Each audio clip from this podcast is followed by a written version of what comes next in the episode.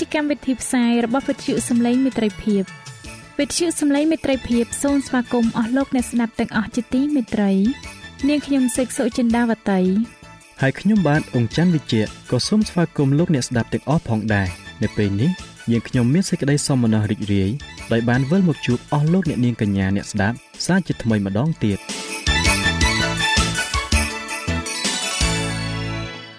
នាងខ្ញុំសេកសុចិន្តាវតី សូមជម្រាបជូនកម្មវិធីផ្សាយដែលមានជាបន្តបន្ទាប់ដូចតទៅនេតិជួបជាមួយព្រះបន្ទូលនេតិសុខភាពចា៎លោកអ្នកស្ដាប់ជាទីមេត្រី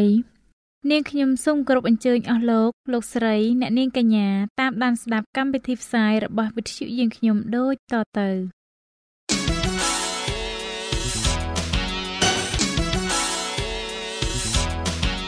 នេតិ ជួបជាមួយព្រះបន្ទូល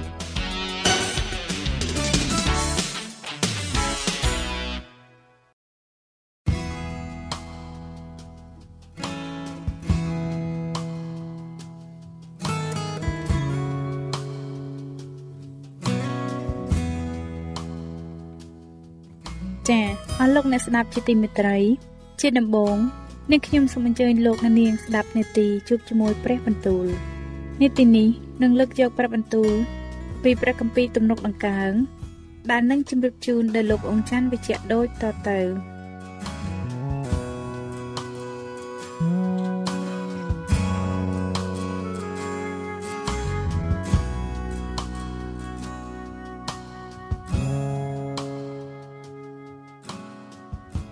ព្រះគម្ពីរទំនុកដំកើងចំពុកទី80 អោព្រះដ៏ខ្វៀលសាសអ៊ីស្រាអែលជាព្រះដែលនាំមុខពួកយូសែបដូចជានាំហ្វូងជាមអើយសូមផ្ទៀងព្រះការស្ដាប់អោព្រះដែលគង់នៅកណ្ដាលជេរូប៊ីនអើយសូមភ្លឺមកសូមបណ្ដាលអត្រិតរបស់ទ្រង់ឡើង នៅចំពោះពួកអេប្រាអឹមបេនយ៉ាមីននិងម៉ាណាសេហើយនឹងយាងមកជួយសង្គ្រោះយើងខ្ញុំផងអោព្រះអង្គអើយសូមបង្វិលយើងខ្ញុំមកវិញសូមឲ្យព្រះភ័ក្ត្រទ្រង់ភ្លឺមក នោះយើងខ្ញុំនឹងបានរួចហើយអោព្រះយេហូវ៉ាជាព្រះនៃពួកពលបរិវារអើយតើទ្រង់នឹងខ្ញាល់ទោះនឹងសេចក្តីអធិស្ឋានរបស់រាជទ្រង់ដល់កាលណាទ្រង់បានឲ្យគេបរិភោគនំប៉័ងដែលនាំឲ្យស្រក់ទឹកភ្នែកព្រមទាំងឲ្យគេផឹកទឹកភ្នែកពេញរង្វល់ហើយទ្រង់បានធ្វើឲ្យយើងខ្ញុំត្រឡប់ជាសេចក្តីទាស់តែងគ្នា ដល់ពួកអ្នកចិត្តខាង ពួកខ្មាំងសត្រូវរបស់យើងខ្ញុំក៏សើចឡកក្នុងពួកគេ អោព្រះនៃពួកពលបរិវារអើយសូមបង្វិលយើងខ្ញុំមកវិញសូមឲ្យព្រះភ័ក្ត្រទ្រង់ភ្លឺមកនោះយើងខ្ញុំនឹងបានរួចហើយទ្រង់បានយកដើមទំពាំងបាយជូរមកពីស្រុកអេស៊ីបមកក៏បណ្ដេញអស់ទាំងសាដតេចេញហើយបានដាំដើមនោះវិញទ្រង់បានរៀបកន្លែងនៅជុំវិញ ហើយដើមនោះក៏ចាក់រឹសបែកសាយទៅពេញក្នុងស្រុកម្លប់ដើមនោះបានគ្របពេញលើអស់ទាំងភ្នំ ហើយខ្នែងក៏បានដូចជាដើមតាត្រៅនៃព្រះ បានបោះខ្នែងរហូតដល់សមុទ្រហើយលំពងដល់ទន្លេហេតុអ្វី បានជាទ្រង់រំលំរបងចេញ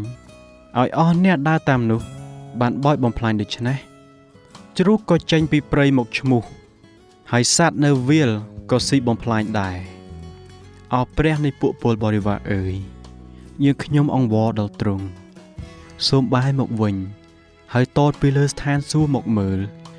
ព្រមទាំងប្រដាមទំពាំងបាយជូរនេះផង គឺជាដើមដែលប្រហោះស្ដាំទ្រង់បានដាំជាខ្នែដែលទ្រង់បានធ្វើឲ្យមានកម្លាំងសម្រាប់អង្គទ្រង់ដើមនេះត្រូវភ្លើងឆេះហើយត្រូវកាប់ចេញ គេត្រូវវិនិច្ឆ័យដោយព្រះភ័ក្ត្រទ្រង់តូតបន្ទោស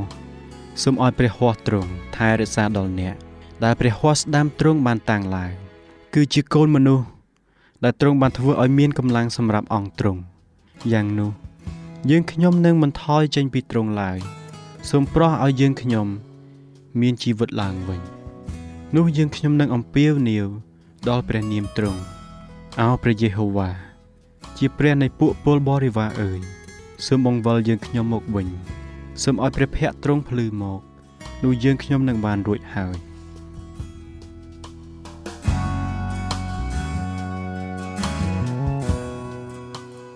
ព្រះគម្ពីរទំនុកដំកើងចំពូកទី81ចូលបន្លឺសំឡេងឡើងច្រៀងថ្វាយព្រះដ៏ជាកម្លាំងនៃយើងខ្ញុំចូលបញ្ចេញសំឡេងអំណរថ្វាយព្រះនៃយ៉ាកុបចោះចូលច្រៀងទំនុក ហើយវាយក្រាបចោះព្រមទាំងចាប់សងដ៏ពិរោះនិងដេញពិនផង ចូលផ្លុំត្រែក្នុងថ្ងៃដើមខែ ថ្ងៃពេញបោនិងថ្ងៃបុណ្យរបស់យើងខ្ញុំផងត្បិតនោះហើយ ជាច្បាប់សម្រាប់សាសអ៊ីស្រាអែលគឺជាបញ្ញារបស់ព្រះនៃយ៉ាកុបទ្រង់តាំងច្បាប់នោះទុកជាទីបន្ទាល់នៅក្នុងពួកយូសែបក្នុងការដែលទ្រង់ចេញទៅទាស់នឹងស្រុកអេស៊ីបវេលានោះខ្ញុំបានឮសំឡេងមួយដែលខ្ញុំមិនស្គាល់ទេសំឡេងនោះក៏ថាអញបានដាក់បន្ទុកចុះពីស្មាវា ហើយឲ្យដៃវារួចពីការកាន់កញ្ច្រែងនៅគ្រាដែលមានសេចក្តីវេទនានោះឯងបានអំពាវនាវហើយអញ បានជួយឯងឲ្យរួចអញបានតបដល់ឯងពីទីសម្ងាត់ដីផ្គរអញបានលបងលោឯងនៅត្រង់ទឹកមេរីបាអោរាអញអើយចូលស្ដាប់ចុះអញនឹងធ្វើបន្ទាល់ដល់ឯងអោអ៊ីស្រាអែលអើយនេះបើឯងនឹងព្រមស្ដាប់អញមិនត្រូវឲ្យមានព្រះដតីណានៅក្នុងពួកឯងឡើយក៏មិនត្រូវឲ្យឯងថ្វាយបង្គំដល់ព្រះនៃសាសដតីណាមួយដែរអញនេះ គឺព្រះយេហូវ៉ា ជាព្រះនៃឯងដែលបាននាំឯងឡើង ចេញពីស្រុកអេស៊ីបមកចូលឯងហាមាត់ឲ្យធំចោះនោះអញនឹងបំពេញឲ្យប៉ុន្តែរាជអញមិនបានស្ដាប់តាមអញឡើយ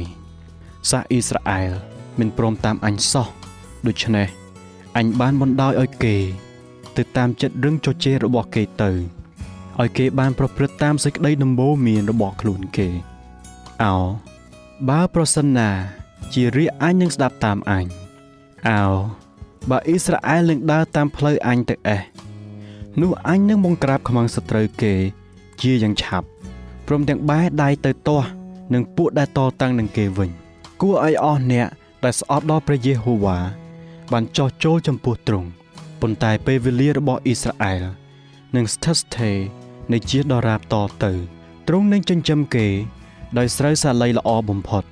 ហើយនឹងចំអែតគេដោយទឹកឃ្មុំពីថ្មដា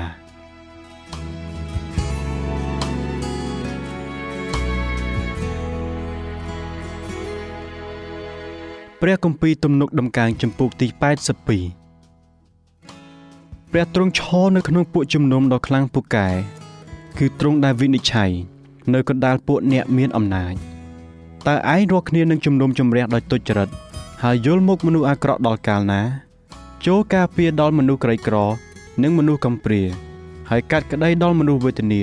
និងមនុស្សកំសត់ដោយយុត្តិធម៌ចោះចូលជួយសង្គ្រោះមនុស្សក្រីក្រ និងមនុស្សកំសត់ទុរគតដែរត្រូវជួយគេឲ្យរួចពីកណ្ដាប់ដៃនៃមនុស្សអាក្រក់ គេមិនដឹងក៏មិនយល់សោះគេតែងដើរទៅមកក្នុងសេចក្តីងងឹតអស់ទាំងរឹសផែនដីក៏ត្រូវក៏ក្រើករំពើអញបានពោលថាឯងរាល់គ្នា សុទ្ធតែជាអ្នកមានអំណាចហើយជាកូននៃព្រះដ៏ខ្ពស់បំផុតទាំងអស់គ្នាប៉ុន្តែឯងនឹងស្លាប់ទៅដូចជាមនុស្សធម្មតាដែរគឺនឹងត្រូវដួលដូចជាមេណាមួយអោព្រះអង្គអើយសូមទ្រង់ឈរឡើងជំនុំជម្រះផែនដីចោះត្បិតទ្រង់នឹងបានអស់ទាំងនគរទុកជាមរតក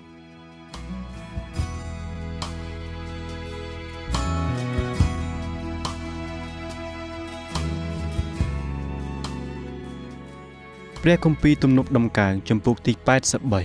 83អោព្រះអង្គអើយសូមកុំឲ្យទ្រង់នៅស្ងៀមឡើយអោព្រះអង្គអើយសូមកុំឲ្យសំងំឬប្រងើយនៅឲ្យសោះត្បិតមើលពួកខ្មាំងសត្រូវទ្រង់គេកំពុងតែអ៊ូអែហើយពួកអ្នកដែលស្អប់ទ្រង់គេធ្វើក្រអឺតក្រអោងគេប្រឹក្សាគ្នាបង្កើតឧបាយទាស់នឹងរាជទ្រង់ហើយគិតគូរគ្នា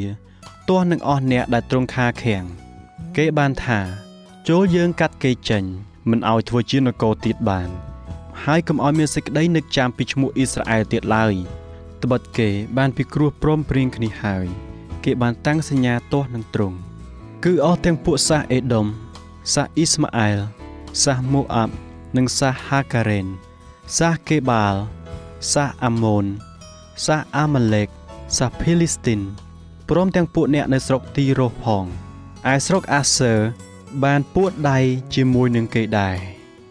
សាសទាំងនោះក៏ចូលដៃជួយពួកកូនចៅលុតសូមទ្រង់ធ្វើដល់គេដោយបានធ្វើដល់សាសម៉ាឌៀនគឺដូចជាបានធ្វើដល់ស៊ីសារ៉ានិងយ៉ាប៊ីននៅត្រង់ស្ទឹងគីសុនជាអ្នកដែលវិនិច្ឆ័យទៅនៅត្រង់អេនដាវហើយបានត្រឡប់ដូចជាលាមកនៅដី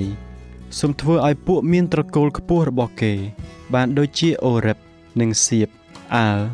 សូមឲ្យពួកចៅវាយក្នុងសាសទាំងនោះ បានដូចជាសេបា ហើយនិងសាលម៉ូណា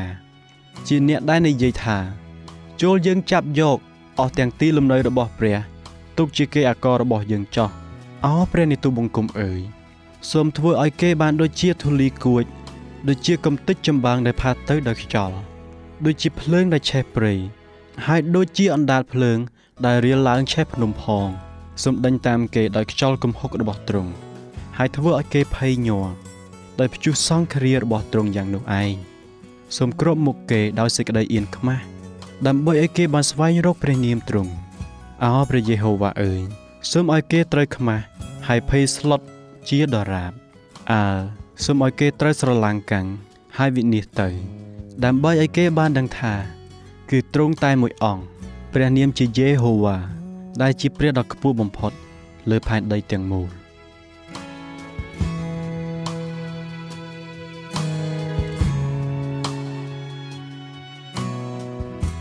ចា៎ប្រិយមិត្តអ្នកស្ដាប់ជាទីមេត្រី ដោយពេលវេលាមានកំណត់ យើងខ្ញុំសូមផ្អាកនាទីជប់ជាមួយព្រឹបបន្ទូលនេះត្រឹមតែប៉ុណ្ណេះសិនចុះដោយសន្យាថានឹងលើកយកនីតិនេះមកជម្រាបជូនជាបន្តទៀតនៅថ្ងៃស្អែកសូមអរគុណ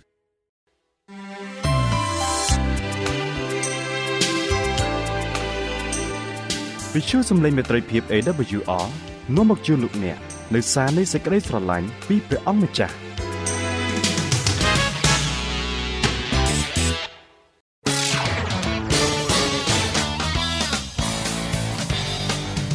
សូមជូន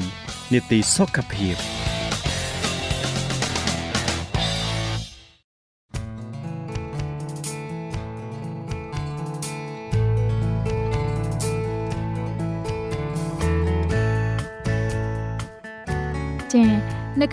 សុខភាពនៅថ្ងៃនេះ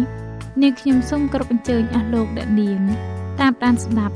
មេរៀនសុខភាពដែលនឹងជម្រាបជូនដោយកញ្ញាឌីណាដូចតទៅ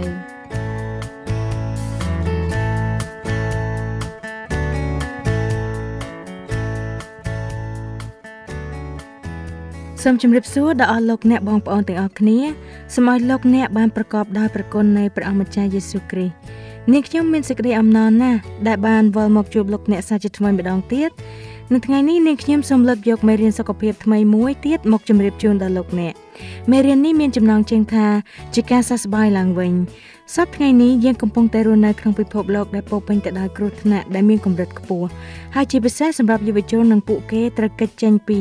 ការប្រើប្រាស់ស្រាកញ្ឆាកូកាអ៊ីននិងអាំងហ្វេតាមីនដោយរបៀបណា ចាមានពាក្យមួយឃ្លាបានពោលថាការតស៊ូតែងតែទទួលបានជោគជ័យក្នុងអំឡុងពេលប្រមាណទសវត្សរ៍កន្លងមកនេះពួកអ្នកស្រាវជ្រាវបានចាប់ផ្ដើមផ្ដោតទៅលើសំណួរថាតើហេតុអ្វីបានជាយុវជនមួយចំនួនដែលរស់នៅក្នុងបរិយាកាសដែលមានគ្រោះថ្នាក់ខ្ពស់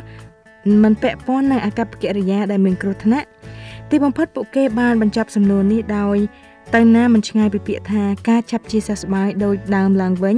ឬអាចហៅថាភាពអត់ធន់ ដែលភាសាអង់គ្លេសគេហៅថា resilient ការចាប់ជាសះស្បើយដោយដើមឡើងវិញឬភាពអត់ធ្មត់គឺជាសមត្ថភាពនៃការបន្តរស់នៅដោយប្រកបដោយសុខភាពល្អទោះបីមានទុក្ខលំបាកផ្ទាល់ខ្លួនមានភាពតានតឹងផ្សេងៗនៃជីវិត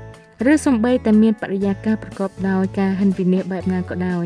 ភាពអត់ធន់បែបនេះហាក់ដូចជាលូតលាស់ចេញពីលទ្ធផលនៃការគ្រប់គ្រងយ៉ាងទូលំទូលាយពីសង្គម។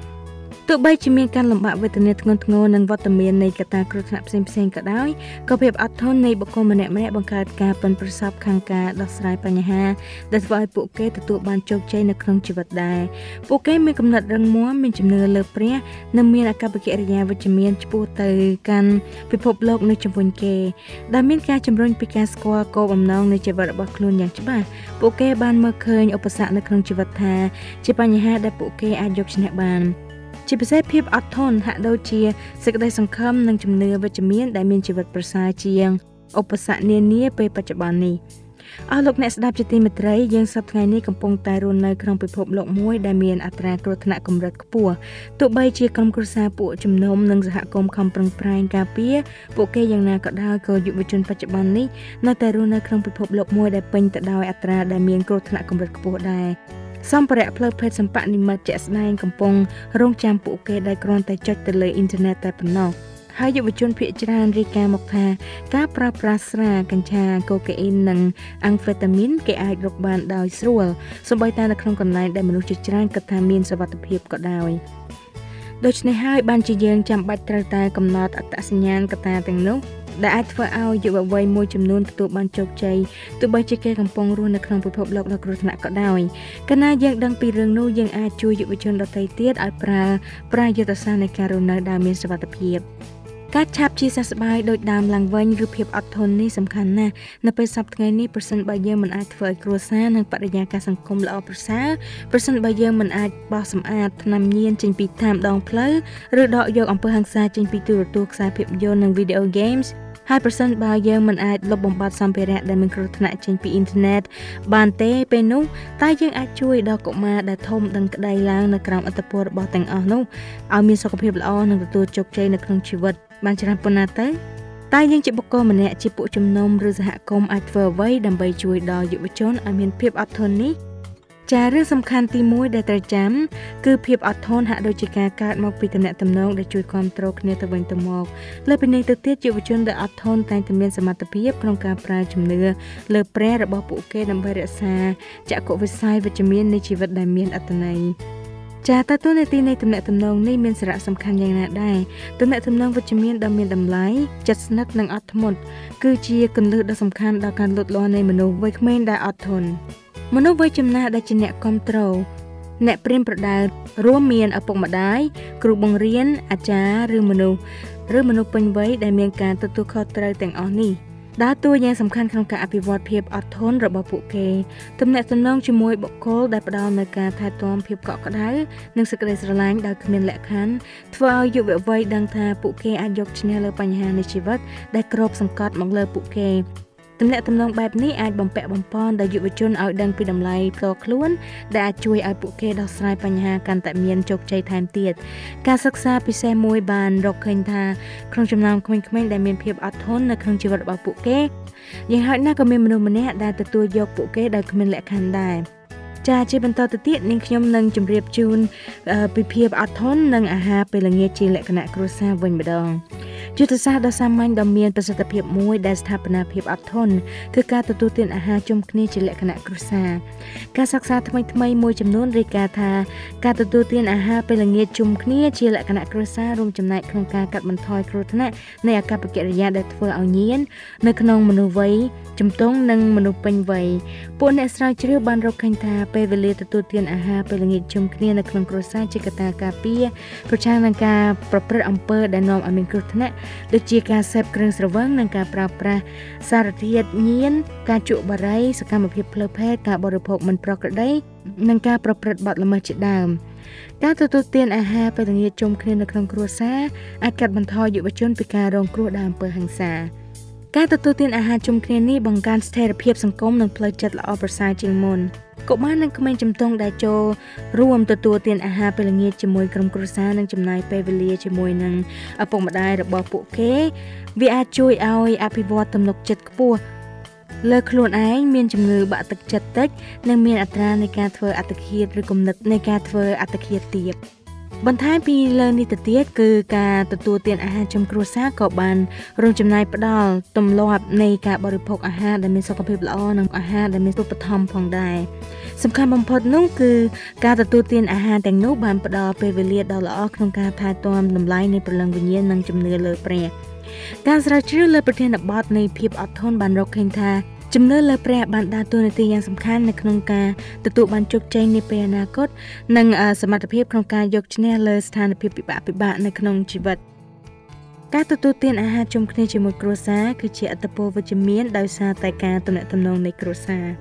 ចំណងគ្រួសារគឺជាកត្តាដ៏ខ្លាំងបំផុតមួយ ដែលបង្កើតភាពអត់ធន់ដូច្នេះការទទួលទានអាហារចំគ្រួសារបង្កើតបរិយាកាសមួយដោយក្រុមគ្រួសារអាចតាក់ទងជាមួយគ្នាទៅវិញទៅមកកសាងចំណងដែលជាប់យូរអង្វែងរវាងឪពុកម្ដាយនិងកូនកូនពិភាក្សាអំពីបញ្ហានិងដំណោះស្រាយព្រមទាំងបណ្ដោះស្មារតីដែលមានស្ថិរភាពមួយឪពុកម្ដាយអាចប្រើពេលបាយជុំគ្រួសារនេះដោយបានដឹងនិងលើអំពីមិត្តភ័ក្តិរបស់កូនកូននិងអ្នកដតីទៀតដែលពួកគេបានតាក់ទងនៅខាងក្រៅផ្ទះដូចគ្នានេះដែរពេលបាយក៏ផ្ដល់ឱកាសសម្រាប់រៀបចំផែនការនៃព្រឹត្តិការណ៍អនាគតនិងសកម្មភាពដែលរឹតចំណងគ្រួសារឲ្យកាន់តែតឹងថែមទៀតផងដែរ ការងារក៏ដូចជាឧបករណ៍អេឡិចត្រូនិកផ្សេងផ្សេងទៀតដែរវាសំខាន់ដល់ទំនាក់ទំនងគ្នាដែលកើតឡើងនៅ ពេលបរិភោគអាហារជាការចាំបាច់ឪពុកម្ដាយត្រូវបិទទូរទស្សន៍និងមិនត្រូវអនុញ្ញាតឲ្យប្រើឧបករណ៍អេឡិចត្រូនិកណាមួយក្នុងអំឡុងពេលបរិភោគអាហារទេមិនត្រូវឲ្យមានអ្វីចូលមកជ្រៀតជ្រែកចំណងដែលកើតឡើងនៅពេលទទួលទានអាហារពេលល្ងាចជួបជុំក្រុមគ្រួសារនោះឡើយយើងសូមលើកទឹកចិត្តឲ្យយុវជនយុវនារីទាំងឡាយដែលរីករាយនឹងចូលរួមទទួលទានអាហារជួបជុំគ្រួសារ ចាចុះតើភាពអត់ធន់នឹងការបម្រើមានអត្ថប្រយោជន៍អ្វីខ្លះការបម្រើសហគមន៍គឺជាសកម្មភាពមួយផ្សេងទៀតដែលជំរុញឲ្យភាពអត់ធន់កាន់តែប្រសើរឡើងនៅក្នុងចំណោមមនុស្សវ័យក្មេងវាគឺជាគំនិតមួយដែលបានបង្កើតឡើងយ៉ាងរឹងមាំនៅក្នុងបទគម្ពីរព្រះយេស៊ូវបានបង្រៀនយើងជាច្រើនអំពីការបម្រើដល់អ្នកដទៃនៅក្នុងគម្ពីរម៉ាថាយចំពុកទី25ខ31ដល់ខ46ទ្រង់បានបង្ហាញថារឿងរបស់ទ្រង់បម្រើដល់មនុស្សដទៃដោយបំពេញតាមសេចក្តីត្រូវការរបស់គេដូចជាការផ្ដល់អាហារដល់អ្នកស្រេកឃ្លាននិងផ្ដល់សម្លៀកបំពាក់ដល់អ្នកក្រជាដើមយើងត្រូវតែបង្ហាញការអាណិតអាសូរនិងផ្ដល់ជំនួយដល់រាជរបស់ទ្រង់ទាំងអស់ សកម្មភាពជាក់ស្ដែងបែបនេះផ្ដល់ដល់យើងនៅវិធីសាស្ត្រមួយផ្សេងទៀតសម្រាប់ការពារកូនរបស់យើងពីការប្រព្រឹត្តណាមួយដែលនាំមកនូវគ្រោះថ្នាក់ព្រមទាំងជំរុញសេចក្តីជំនឿនិងទំនុកចិត្តរបស់ពួកគេផងដូច្នេះយើងបម្រើមនុស្សដទៃមិនត្រឹមតែផ្ដល់លុយកាក់ប៉ុណ្ណោះទេតែថែមទាំងរួមគ្នាជាមួយនឹងយុវជនរបស់យើងជួយខ្លួនគេដោយផ្ទាល់និងដោយជាក់ស្ដែងទៀតផង។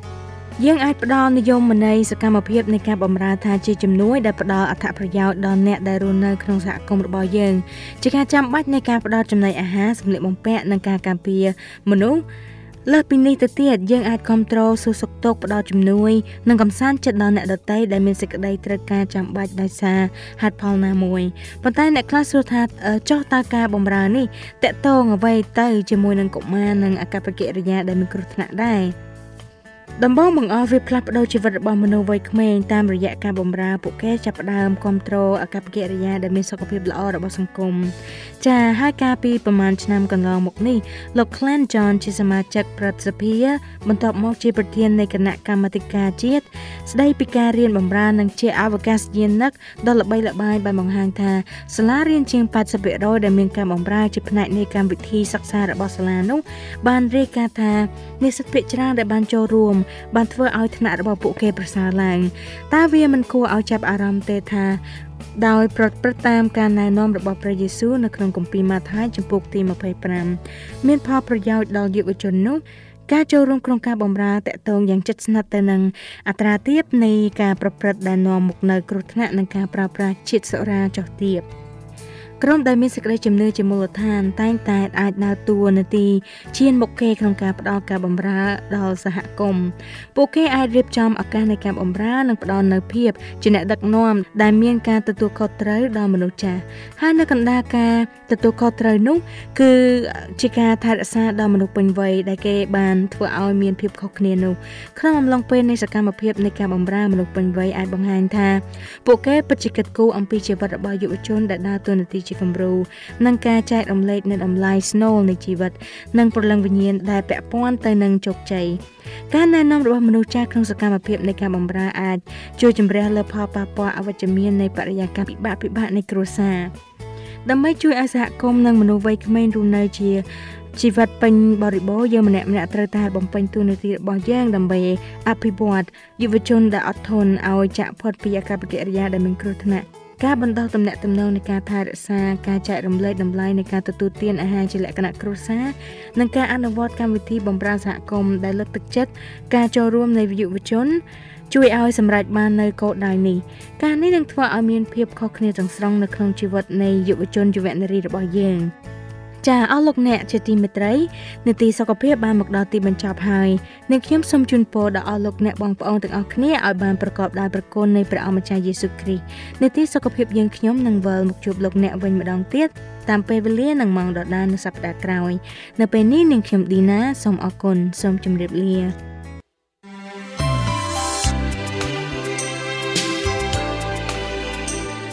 វិទ្យុសំឡេងមេត្រីភាព AWR មានផ្សាយពីរដងក្នុងមួយថ្ងៃ គឺព្រឹកនៅម៉ោង6និងពេលយប់នៅម៉ោង8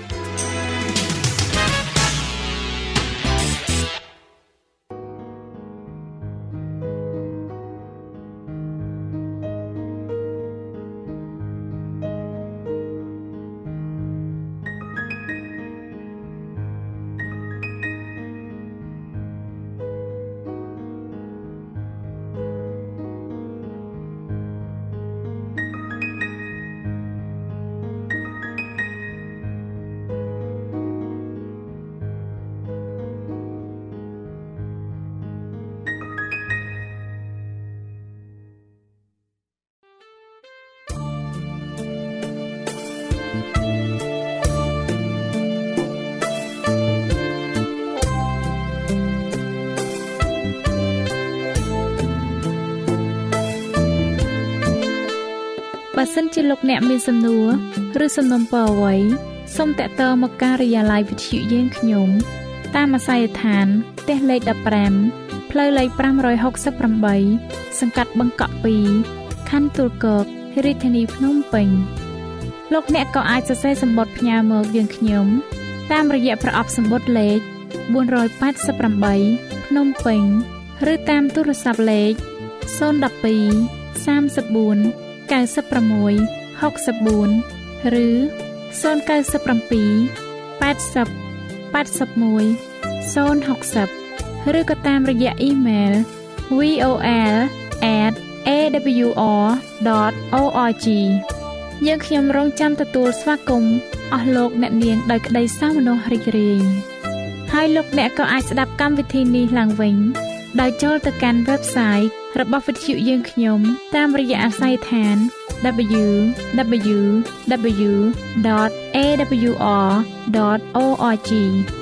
លោកអ្នកនាងកញ្ញាជាទីមេត្រី កម្មវិធីផ្សាយរបស់វិទ្យុសំឡេងមេត្រីភាពនៅពេលនេះសូមបញ្ចប់តែប៉ុណ្ណេះយើងខ្ញុំសូមអរគុណចំពោះការតាមដានស្ដាប់របស់អស់លោកអ្នកតាំងពីដើមរហូតដល់ចប់យើងខ្ញុំសូមជូនពរឲ្យអស់លោកអ្នកនាងកញ្ញាទាំងអស់បានចម្រើនឡើងក្នុងព្រះគុណព្រះអង្គម្ចាស់ ហើយក្នុងការទទួលយកព្រះយេស៊ូវគ្រីស្ទជាព្រះអង្គម្ចាស់និងជាព្រះអង្គសង្គ្រោះនៃយើងរាល់គ្នានាទីផ្សាយរបស់វិទ្យុយើងខ្ញុំនឹងវិលមកជួបអស់លោកអ្នកសាជាថ្មីម្ដងទៀតនៅថ្ងៃស្អែកវេលាម៉ោងដដែលនាងខ្ញុំសេកសុចិន្តាវតីនិងខ្ញុំបាទអ៊ំច័ន្ទវិជ្ជៈសូមអរគុណសូមជម្រាបលា